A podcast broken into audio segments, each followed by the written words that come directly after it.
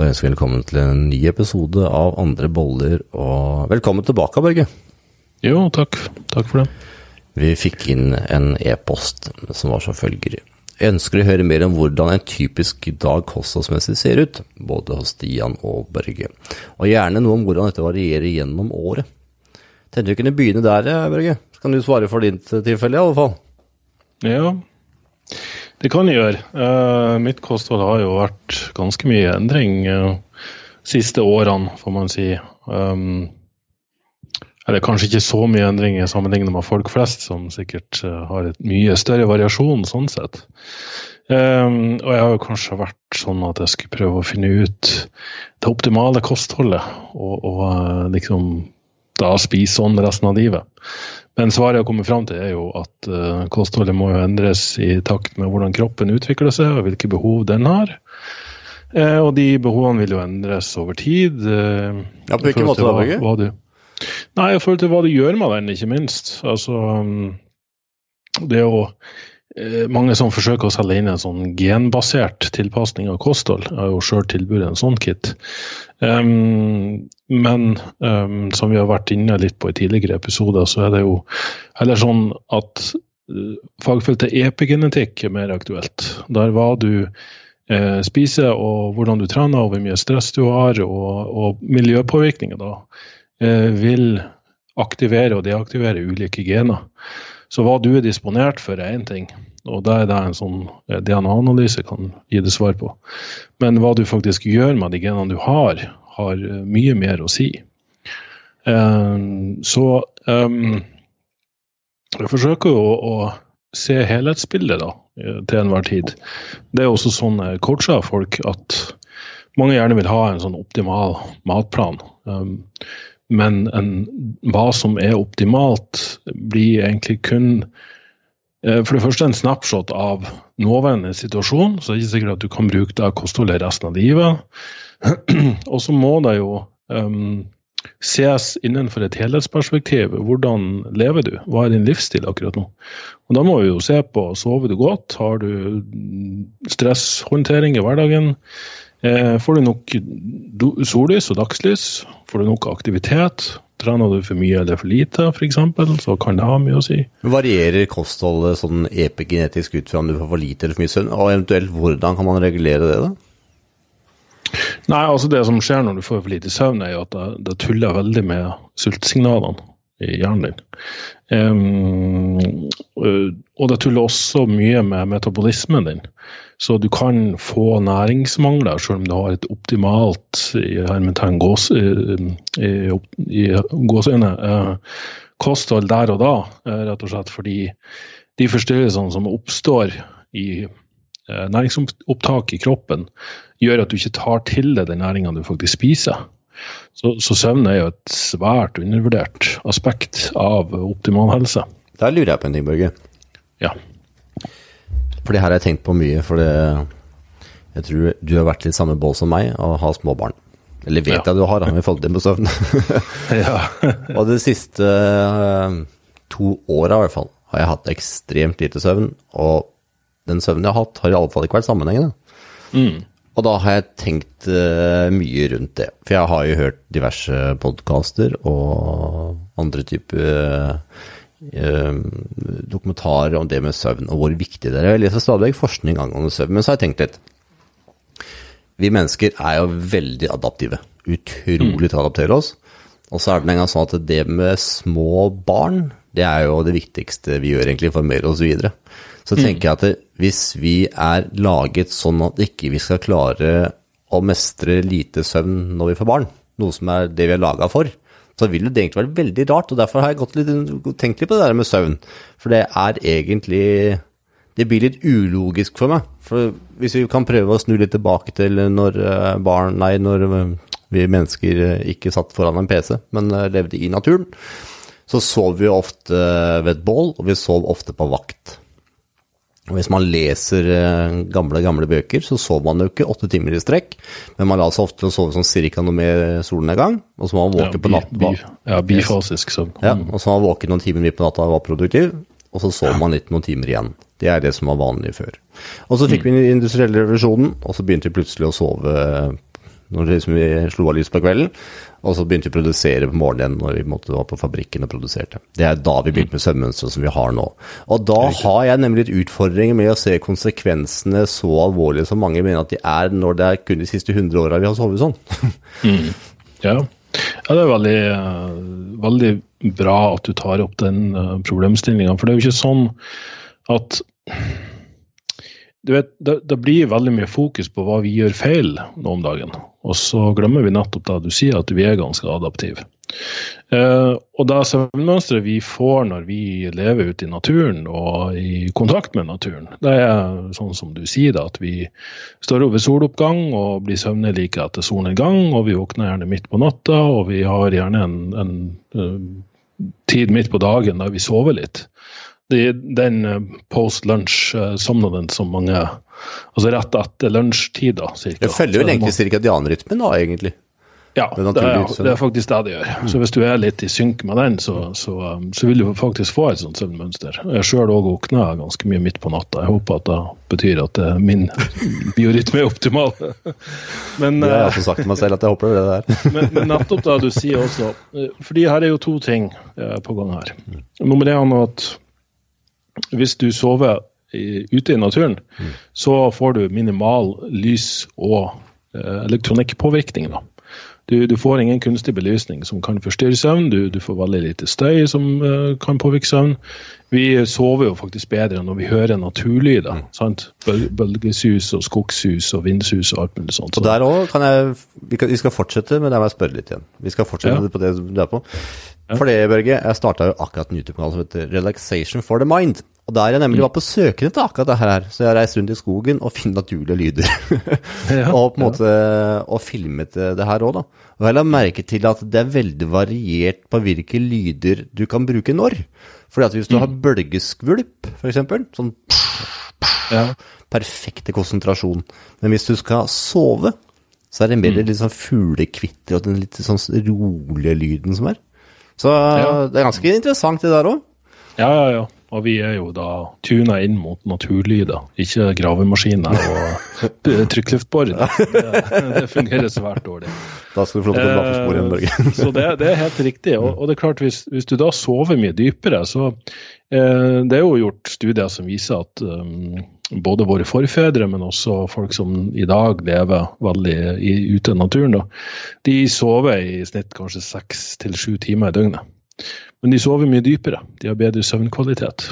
Og har du bedre søvnkvalitet, bedre søvnhygiene, såkalt, så slipper du unna med mye mindre og klarer det på mye mindre. Eh, men det der går jo andre veien også, tenker jeg da. Eh, når det var på det verste med, med Isak, da, at han våkna en gang i timen, så kunne man jo finne på å liksom duppe i fem minutter midt på dagen, gjentatte gang. Det er jo det som kalles mikrosøvn.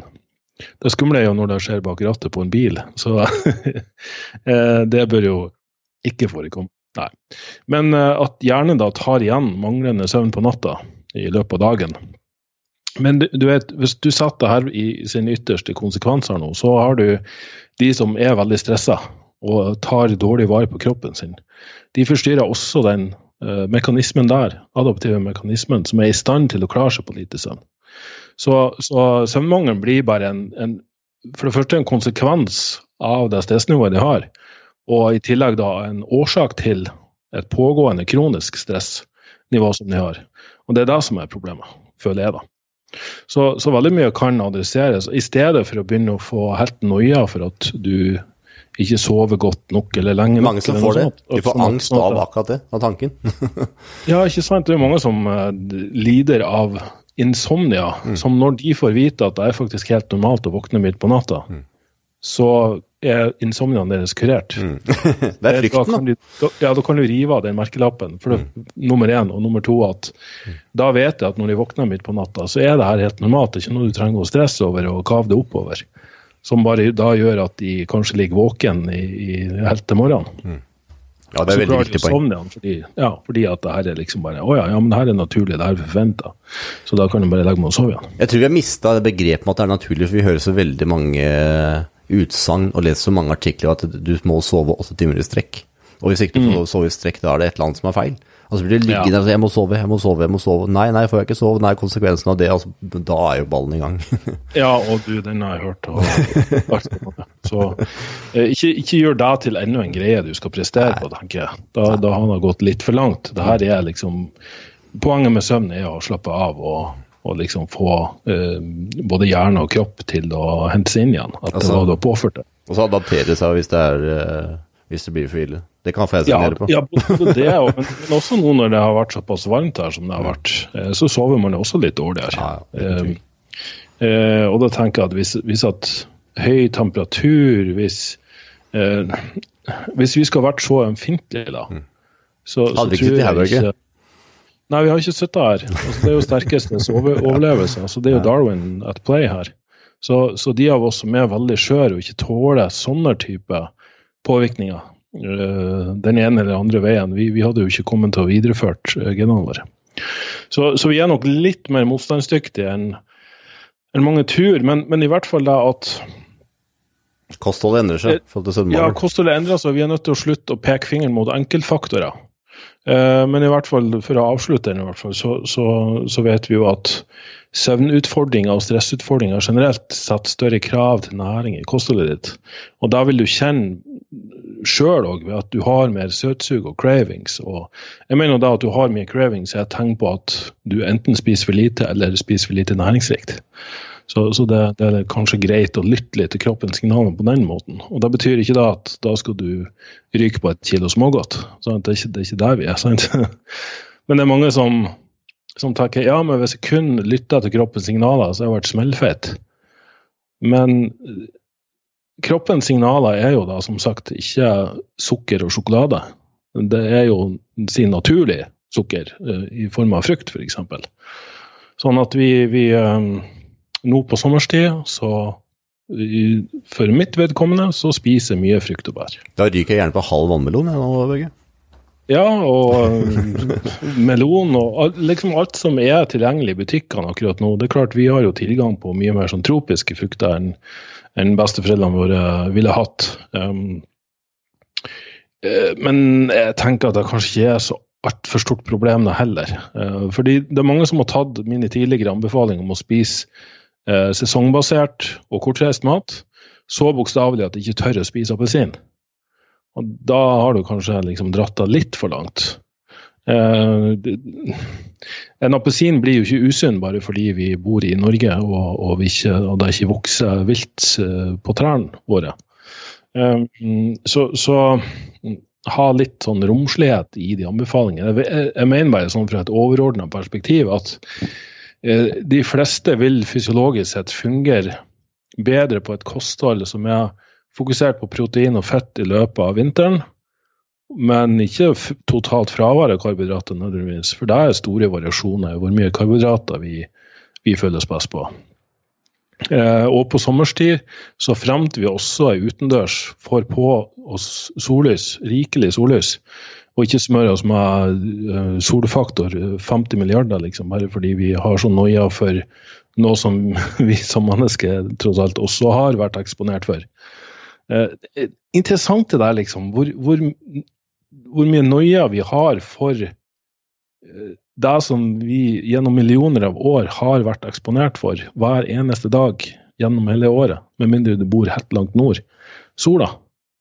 Hvorfor har den plutselig blitt en sånn stigmatisert, eh, skummel, stor ball oppi himmelen der som er i stand til å drepe oss omtrent? For en, jeg tror det er to, sommer, to år siden, Børge, så prata jeg med en som heter Johan Moan. Han er eh, forsker og professor på, på stråling.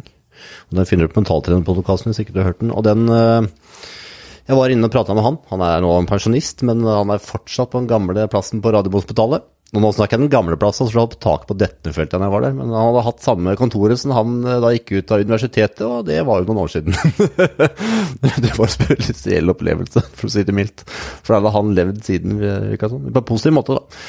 Anywho, det som jeg skulle fram til, det var at, uh, som han sier, at strålinga fra sola, den er det selvsagt der Men det er noe med at man må ha sunn fornuft, og det er å gå ut av sola og inn i sola igjen.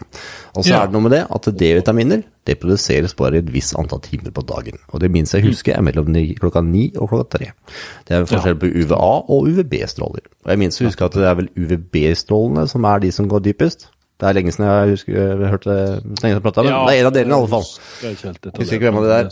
En av de er i alle fall, og den går lenger ned i huden og gjør da skade i huden som gjør at vi kan få hudkreft.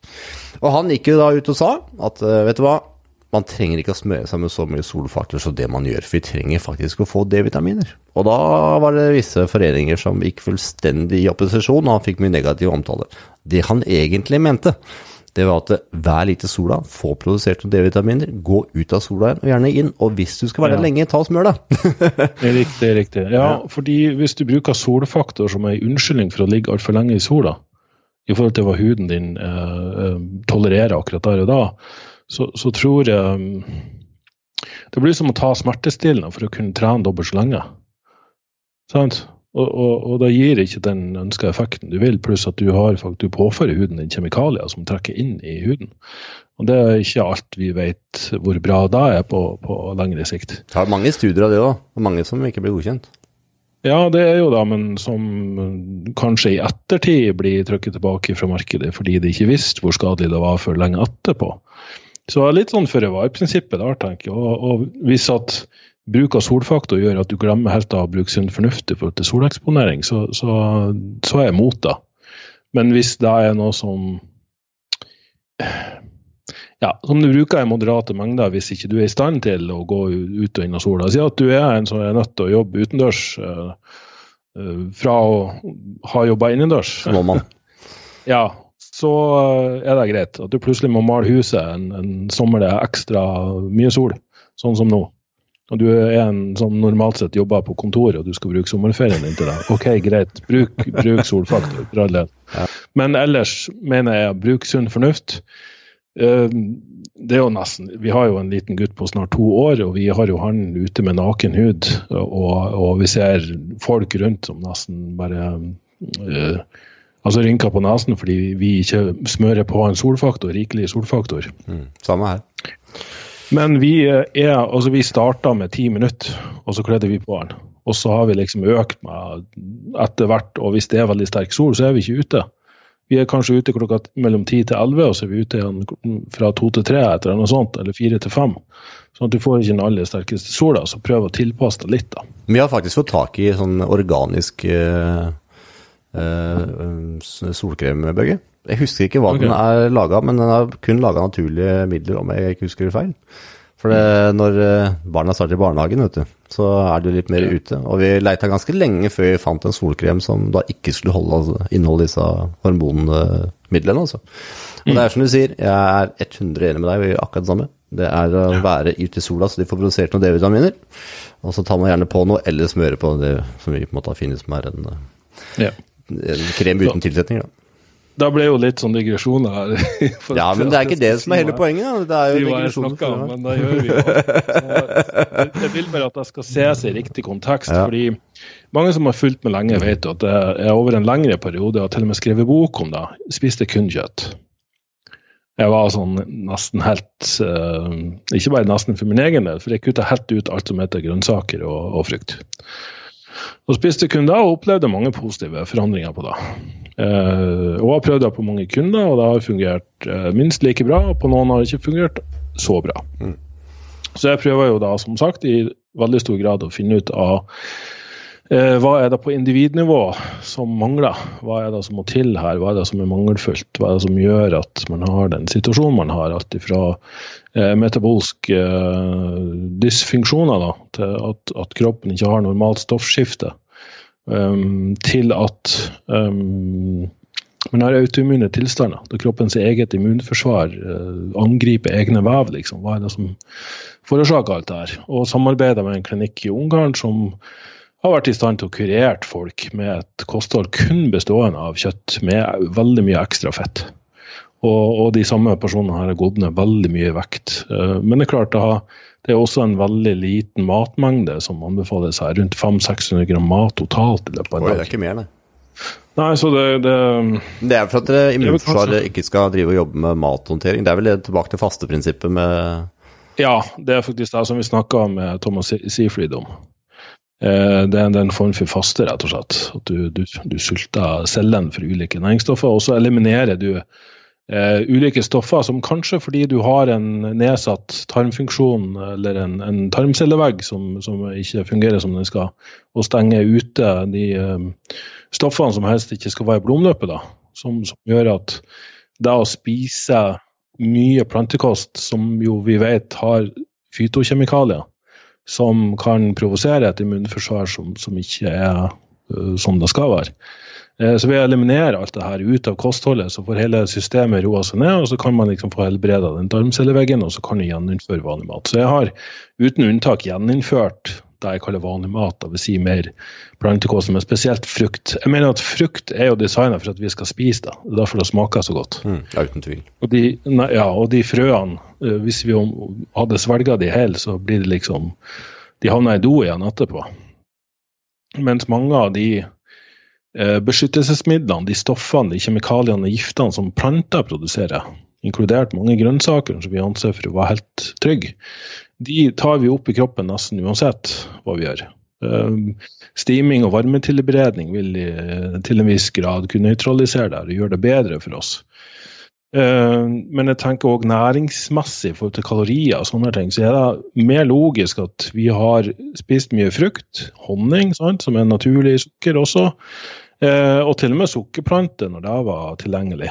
Eh, da snakker om naturlig rårøresukker, ikke liksom det her raffinerte.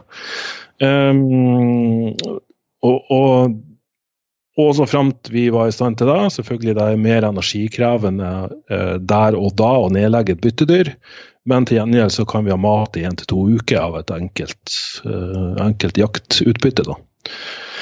Eh, så det er mest logisk fra et evolusjonært ståsted at, at, vi hadde et kosthold som hadde regelmessige innslag av animalske uh, matvarer.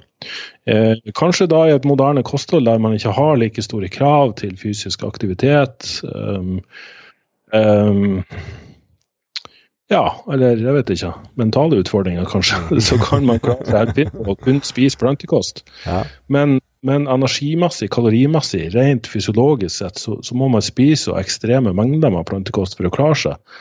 At da får man samtidig i seg store mengder av de her eh, naturlige eh, beskyttelsesmidlene, giftene som plantene produserer. Og da er det enkelte som over tid får en del problemer. da. Så jeg, jeg spiser sjøl grønnsaker, men det er litt sånn variabelt. Jeg prøver gjerne å kjenne etter hva jeg har lyst på, og hvor mye av det jeg har lyst på. Jeg går ikke inn for å spise det her fordi jeg innbiller meg at det her er det mest helsebringende jeg kan spise. For da tror jeg man mister instinktet oppi det. For eksempel, det er veldig interessant å se på babyer og barn. Jeg har jo en stor tro på at vi er født med et instinkt som sier hva vi skal spise. Eh, det er ikke noe problem å få Hva sa du? Ja, is. Det er kjempehelsekost. ja. Jeg tenkte på å få til barn, de er så ivrige på is. Ja. ja, i hvert fall dager sjøl, tenker jeg. Ja, det er klart, men gir du barn sukker, så, ja, så er de jo, liker de jo det, da. Tullete digresjon, Børge. Ja. Ja, eh, men prøver du, prøver du, å gi dem en, en brokkolikvast, så, så, så, vil du nesten uten unntak få en protest. Eh, det, det skal litt til for at barn spiser mye grønnsaker, da. Helt til de kaller det for juletre, da skjer det et eller annet. Ja, da skjer det et eller annet, men nå går det som regel løs på jul, juletrekul. det har jeg verre erfaring med. Ja. eh, og det har jeg snakka om før, en studie som ble gjort på barnehjemsbarn eh, på 30-tallet, der de fikk fritt utvalg fra alle mulige frukt og melk og yoghurt og kjøtt, og til og med innmat som hjerne og nyre og greier og greier. Og de, eh, de barnehjemsbarna de spiste seg sunn og frisk. De fylte det gjennom ett og et halvt år. De spiste seg De vokste i normal hastighet. Eh, hadde ingen næringsmangler. Gikk fra å ha store næringsmangler til å ikke ha det lenger. Og, og regulerte sjøl hva de spiste og hvor mye av det de spiste. Det var selvfølgelig mye melk, men det var perioder der de spiste nesten utelukkende frukt. Og så var det enkelte måltid der de bare spiste liksom rått kjøtt, til og med. Når de var syke og hadde eh, sykdomsutfordringer, virusangrep f.eks. på kroppen, så spiste de altså bare rått kjøtt og eggeplommer. Så det, det, er litt sånn interessant at jeg tror vi har et sånt instinkt som, som sier at Og, og det er jo ei, Facebook-gruppe med titalls tusen medlemmer som heter Recovering Vegans, der mange av de sa Ja, altså satt litt på spissen, sant? men som slutta som veganere fordi de fikk et sånt ekstra de, Nummer én fikk helseutfordringer. Nummer to fikk et sånt ekstremt sug etter kjøtt. Og når de da spiste kjøtt, så ble helsa deres forvandla til det positive. Og da er det jo kanskje fort gjort å ta det motsatte standpunktet. Ok, nå skal jeg kun spise kjøtt og ikke plantekost i det hele tatt, som jo faktisk mange av de innbitte forkjemperne av et kjøttbasert kosthold gjør. De har vært tidligere veganere, da har gitt de helseutfordringer, så nå spiser de kun kjøtt og ikke grønnsaker. Det er den balanserte greia, da. Hva sa du? Det er det balanserte greia litt igjen. Ja, vi er jo litt tilbake til den. Mm. Og, og sånn, min, mitt instinkt forteller meg at ok, nå har jeg mer lyst på, på uh, Ja, jeg er jo veldig glad i melk, da, mm. og jeg tåler melk, og derfor drikker jeg mye melk. Men jeg bruker jo Røros sin gårdsmelk, altså den som er lavpasteurisert og mm. ja, ikke homogenisert, da, som det heter. Mm. Jeg vil bare litt tilbake til den risen, jeg, Børge. For det syns jeg det var, skulle være en morsom greie, men så lå det noe fornuftig i det òg. Ja. Og i fjor, som det var så veldig varmt Mm.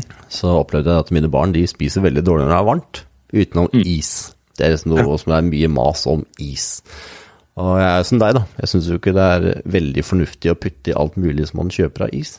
Så jeg gikk bort på Elkjøp, kjøpte meg en ismaskin.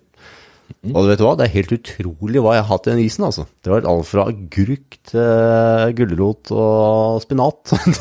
du vil ikke tro hva som har vært oppi den isen. Og de koser seg så mye med is, uansett hva faren har putta oppi av sunne ting oppi der. Jeg tror det bare at det er kaldt, og så har man litt vaniljesukker oppi. Ja. Så er det beste som går ned, altså. Så hvis man er... Investerte i en sånn for en ukes tid siden sjøl. altså. Det, det er saker. Ja. Men da bruker jeg sant, økologisk fløte fra Røros, jeg bruker gårdsmelk, og så bruker jeg eggeplommer, også økologisk.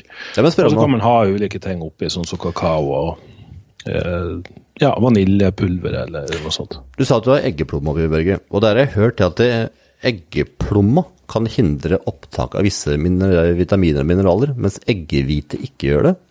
Det er noe motsatt. Ja. Det er eggehviten som uh, kan hemme opptaket av biotin, er viktig B-vitamin. Uh, det inneholder noe som heter avidin, uh, så den bør varmebehandles hvis eggehviten skal brukes. Mens eggeplommen er der all næringen ligger, så den bør du for all del verken kaste eller Jeg vet det er en sånn typisk uh, fitnessopplegg, da. Spise eggehvite og kaste plommen.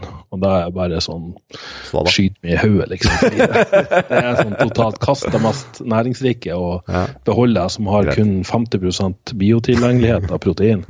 Ja. Og omtrent det er bare protein og ingenting annet. Ja.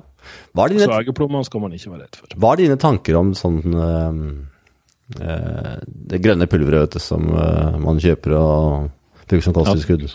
Som greens-pulver? Ja, klorella og den type ting. Ja, jeg, litt, jeg er litt ambivalent til liksom, de superfood-pulverne, der klorella og spirulina. Også fordi det finnes en del studier som viser at det er mye tungmetaller i det, som vi kanskje helst ikke skal ha så mye av. Så det, det er høyst varierende hvor, hvor, bra kvalitet er på de. Eh, det er jo det ene aspektet av det. Og så er det noe med en gang du begynner å konsentrere noe, så får liksom ikke kroppen helt Altså, man spiser ikke så mye som du naturlig ville gjort hvis du hadde funnet deg ute i naturen. Du, du, kan få i deg mye større mengder enn det som kanskje er bra for deg. Så, så, men, men, hvis du er en person som er fryktelig dårlig på å spise frukt og grønnsaker fordi det er bare en vane du har lagt det til, så er det nummer én bli voksen. Nummer to, OK, greit. Kan ty til sånn greens-pulver. Uh, vi har jo Revolution har jo et greens, uh, altså vital nutrients, som vi kaller det, som både smaker godt og har men er da et veldig sånn passe sammensetning av de, uh, de ekstraktene, sånn at det ikke blir for mye. Pluss at du skal bare ta en eller to måneder måleskjeer. Men du begynner jo ikke å bøtte nedpå sånn her hver dag bare fordi du hater å spise grønnsaker. Ja. Det, blir, det, blir, litt feil da, syns jeg. Ja, og det er på samme måte som jeg syns det er òg litt feil å kun basere seg på proteinpulver, selv om jeg har designa MyProtein og jeg kan stå inne for kvaliteten på det. Hvis, hvis, du begynner å få i deg rundt 150 gram proteinpulver hver dag, og så nesten ikke protein fra andre kilder, så, så mener jeg det er heller ikke bra. Så et næringskonsentrat og et kosttilskudd er et tilskudd til kost. Det ligger liksom i, i ordet, pluss at det er et konsentrert næringstilskudd. Så, så bruk sånne ting med måte. Igjen, Børge, som uh, Jeg syns du stadig kommer med noen fine utsagn som jeg husker veldig godt hva du har sagt.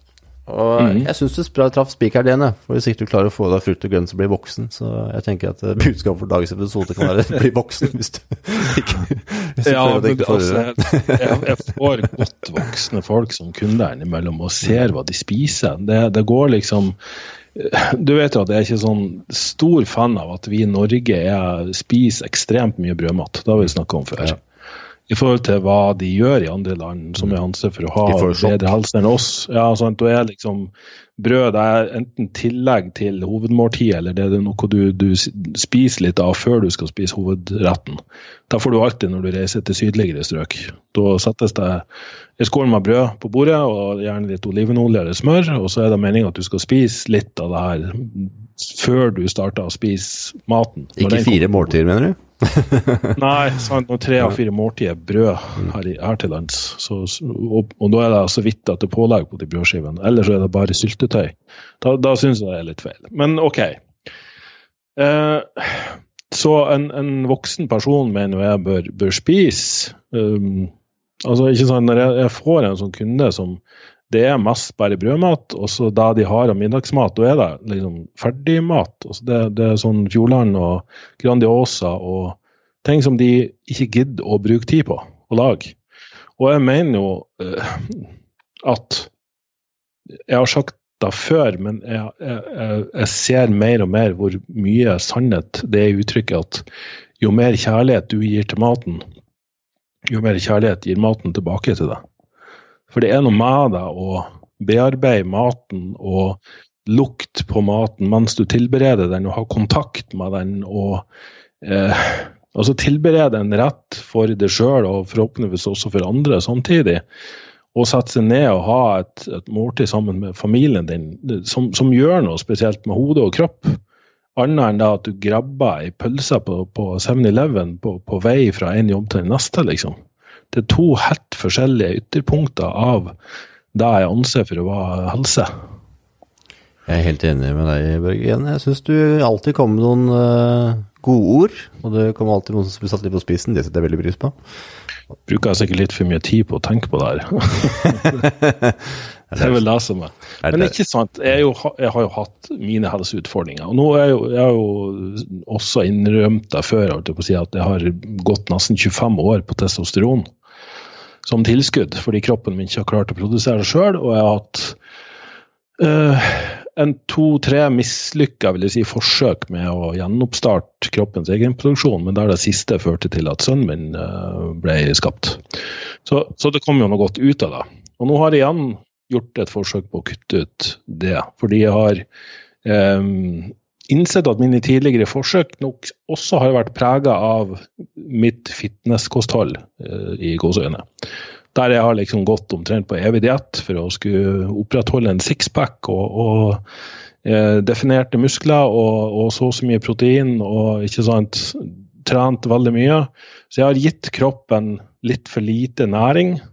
Ikke bare kalorier, men også næring eh, trent for mye, sånn at eh, jeg liksom hele tida gir kroppen min juling. da. Eh, og da er det en veldig vanskelig situasjon å få kroppen til å restarte et hormonsystem på. Ja, det tar veldig lang tid. Jeg brukte jo nesten et år sist. Um, og, fikk, og hadde en veldig veldig lav produksjon av testosteron, så legen anbefalte meg å gå tilbake på, på sånn gel igjen. Gelé så du smører på huden. Eh, men nå har jeg da bestemt meg for å gi deg et nytt forsøk, og bruker ulike sånne kosttilskudd for å sikre f.eks. ølgjær tar jeg, fordi det er veldig rikt på B-vitamin. Um, jeg tar noe som heter pregnenolon, som bare er et kosttilskudd. Som er selve moderhormonet som kan omdannes til de forskjellige hormonene i kroppen. Og Det er noe som er, eh, kan være viktig å bruke for en mann på 45 år som gir kroppen et nytt forsøk på å restarte sin egen produksjon. Er det ulemper med kremen da, Børger? Eh, det er jo at den uh, inneholder en del kjemikalier, ikke minst. Og så skal det jo det her trekke inn i huden, og det er høyst variabelt hvor mye som trekker inn i huden. Hvor du påfører den. Og selvfølgelig er teknologien blitt bedre der, sånn at du får høyere opptak nå enn, man hadde før. Uh, men det at i stedet for at dine egne testikler da, i en manns tilfelle skal produsere testosteron via naturlige mekanismer, og sende det her rundt i kroppen. Og så skal du, eh, hvis det ikke skjer, fordi du har en hormonell dysfunksjon, og du smører en gelé på magen din eller på armen din, eller noe sånt, så kommer jo den testosteronen inn i kroppen en helt annen vei. Og blir da utsatt for ulike enzymer som kan omdanne til østrogen, omdanne til DHT og, og alle mulige ting som både kan forårsake hårtap, hormonell eh, ubalanse, fordi det er feil forhold mellom testosteron og østrogen og progesteron i forhold til det en mann med naturlig egenproduksjon ville produsert. Eh, så, så en, en, rekke ting, da. Det er også forskning på det som viser at mange års hormonterapi kan øke risikoen for bl.a. prostatakreft og hjerte- og karsykdom. Så, så, det er jo da et sånt helsevalg man, man bør ta. Um, jeg har jo også da sett at mitt stoffskifte, min metabolisme, har vært for dårlig. Bare noe så enkelt som å måle kroppstemperaturen. Uh, hvis du bruker et termometer og måler under tunga. Og jeg har liksom nesten konsistent ligget på 36,3 til 36,5 grader. Og det er en halv grad under det som er normalt. Oh ja, for det er, jo, det er jo nemlig. Ja, ok, Er det for? Ja, da er ikke det helt optimalt. Plus, så er det mange som går rundt og skryter at de har en veldig lav hvilepuls. En veldig lav hvilepuls kan også være ja, det kan være fordi du er veldig topptrent, ekstremt godt oksygenopptak. Men med mindre du er Bjørn Dæhlie og du har en hvilepuls på rundt 50, så kan det også være kombinert med at du har for lav kroppstemperatur, et tegn på at stoffskiftet ditt er for lavt. Og Det er nesten uavhengig av blodprøver. for Jeg har tatt blodprøver som viser ja, riktignok litt lavt, men fremdeles innenfor normalen. Men når jeg har eh, altså tåke i huet og lite energi, og liksom gjort veldig mye for å føle meg på topp, og så gjør jeg ikke det. Det går veldig i sånne svingninger da så tenker jeg at ok, la oss prøve det her. Så da har jeg nummer én spist mye mer frukt. Nummer to eksponert meg mye mer for sol, som jo er lett nå til dags på sommertid. Eh, og da vet vi også at sommer, sommerstid, høyere temperaturer, mer sollys og UV-stråler, og hele lysspekteret for den saks skyld, rødt lys, infrarødt lys, som det finnes veldig mye studier på, eh, bedre D-vitaminproduksjon, er lik bedre hormonproduksjon. Så, ja, så da å gjøre et nytt forsøk på det nå, ved å først sørge for at stoffskifte og metabolisme er på topp Nå har min gjennomsnittlige kroppstemperatur ned på 37 til 37,2. Så det er jo et hopp på mellom 0,5 til 0,7 grader. Det gjør også at immunforsvaret fungerer bedre. Jeg fikk tilløp til en forkjølelse her for en par uker siden. Eh, dagen etterpå så var det borte, uten noe intervensjoner i det hele tatt. Ja, der var jeg sånn Når du kjenner at du, det begynner å klø bak i halsen på et bestemt sted, så vet du ok, i morgen da våkner jeg opp, da er jeg pottetett. Ja. Det skjedde det. Det bare gikk over. Så jeg tenker at vi har jo Så det er kjøtt, frukt og grønt og sol, altså? Eh, ja, og jeg spiser faktisk mye mindre kjøtt også, mm. rett og slett fordi det ikke frister like mye. Eh, Så mye frukt? Men jeg, jeg, drikker mye med melk, og så ja. spiser jeg ost og cottage cheese mm. som proteinkilder. Eh, og så bruker jeg litt proteinpulver. Det gjør jeg. Da får du veldig melkesyrebakterier òg. Har det innvirkning, det òg? Eh, ja, ikke så mye melkesyrebakterier, fordi jeg bruker ikke så mye syrna melkeprodukter. Eh, faktisk så tar jeg Via frukt så får vi en del av det som på norsk heter eddiksyre, men som er acetic acid. Jeg tar i tillegg eplesidereddik. Gjør det, ja? ja. Ja, som jeg da blanda med litt eh, natron, og det her blir nok sikkert veldig avansert, men husk på at det her er noe jeg tar akkurat nå for min situasjon. Det er ikke noe jeg vil at folket der ute skal begynne å styre meg, bare fordi de tror at uh, nå skal de bli så sunne og sterke som Børge. ja. uh, og hvis du lar de to reagere, så for det første fjerner du den verste eddiksmaken, og uh, fordi natron er jo det som brukes i bakepulver, og det er syrenøytraliserende. Så når de to reagerer sammen, så får du noe som heter sodiumacetat. Så du får acetatsyren i kroppen, som er eh, faktisk motvirker melkesyre. Ja. Det, det, kan forebygge eh, eh, den melkesyreproduksjonen som gjerne oppstår eh, inn, i visse kreftformer. Ja. Og som oppstår hvis du trener hardt og veldig mye. Så den har en sånn buff buffringseffekt i kroppen. Du har alltid noe på lur, du, Børge. Alltid har- sånn godteri på lur, du. det visste jeg ikke. Så, Ja. Men igjen, det her er liksom for min situasjon akkurat nå. Og uh, utrolig nok, på tredje uka nå uten testosterontilskudd og Husk på, det her er en gel som går ut av kroppen i løpet av én dag. Den er sånn veldig hurtigvirkende. Så jeg har jo eh, i, i praksis vært uten testosteron i kroppen i tre uker. Men jeg har mange tegn som tilsier at kroppen allerede har begynt å produsere testosteron. Så bra. Både i forhold til sexlyst Ja. og uh, sånne ting. Ja. Um, og ja, styrke på trening. Så bra. Uh, ja, så, så der skjer veldig mye positive ting. Og det er jo sånn som er da blow my own mind hvis at det her går bra. Veldig bra, Børge. Men eh, time, teamet will show, som de sa på Flåklypa Grand Prix. Jeg skal ta blodprøver om noen uker bare for å se. Så, um, så, så mitt kosthold i dag er da uh, mye frukt og bær. Spis med omtrent matt på det. Og som proteinkilder Jeg vil vel anslå, nå er det veldig lenge siden jeg har telt noen kalorier eller beregna noen makro, men jeg vil anslå at det ligger et sted mellom 120 og 150-60 gram protein per dag.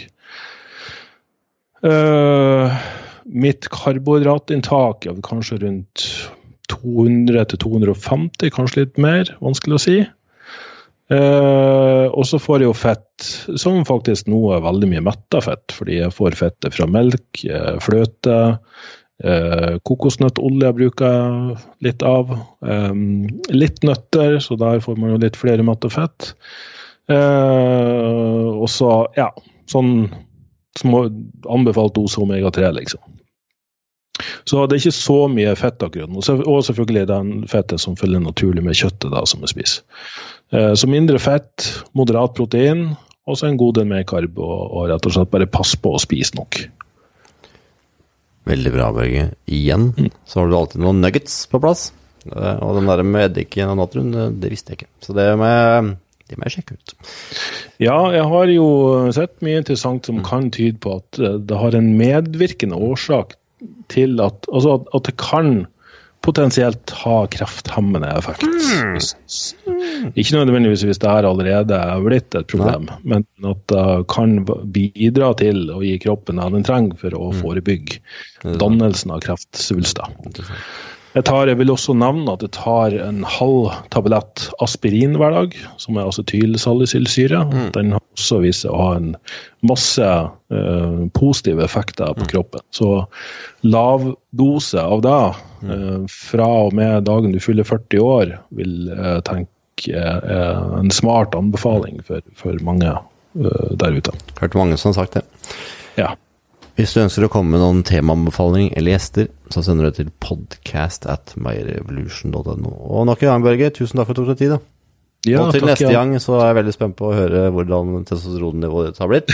Og frem til det så må du ha en utrolig fin dag. Jo, takk det samme. Vi snakkes. ha det bra.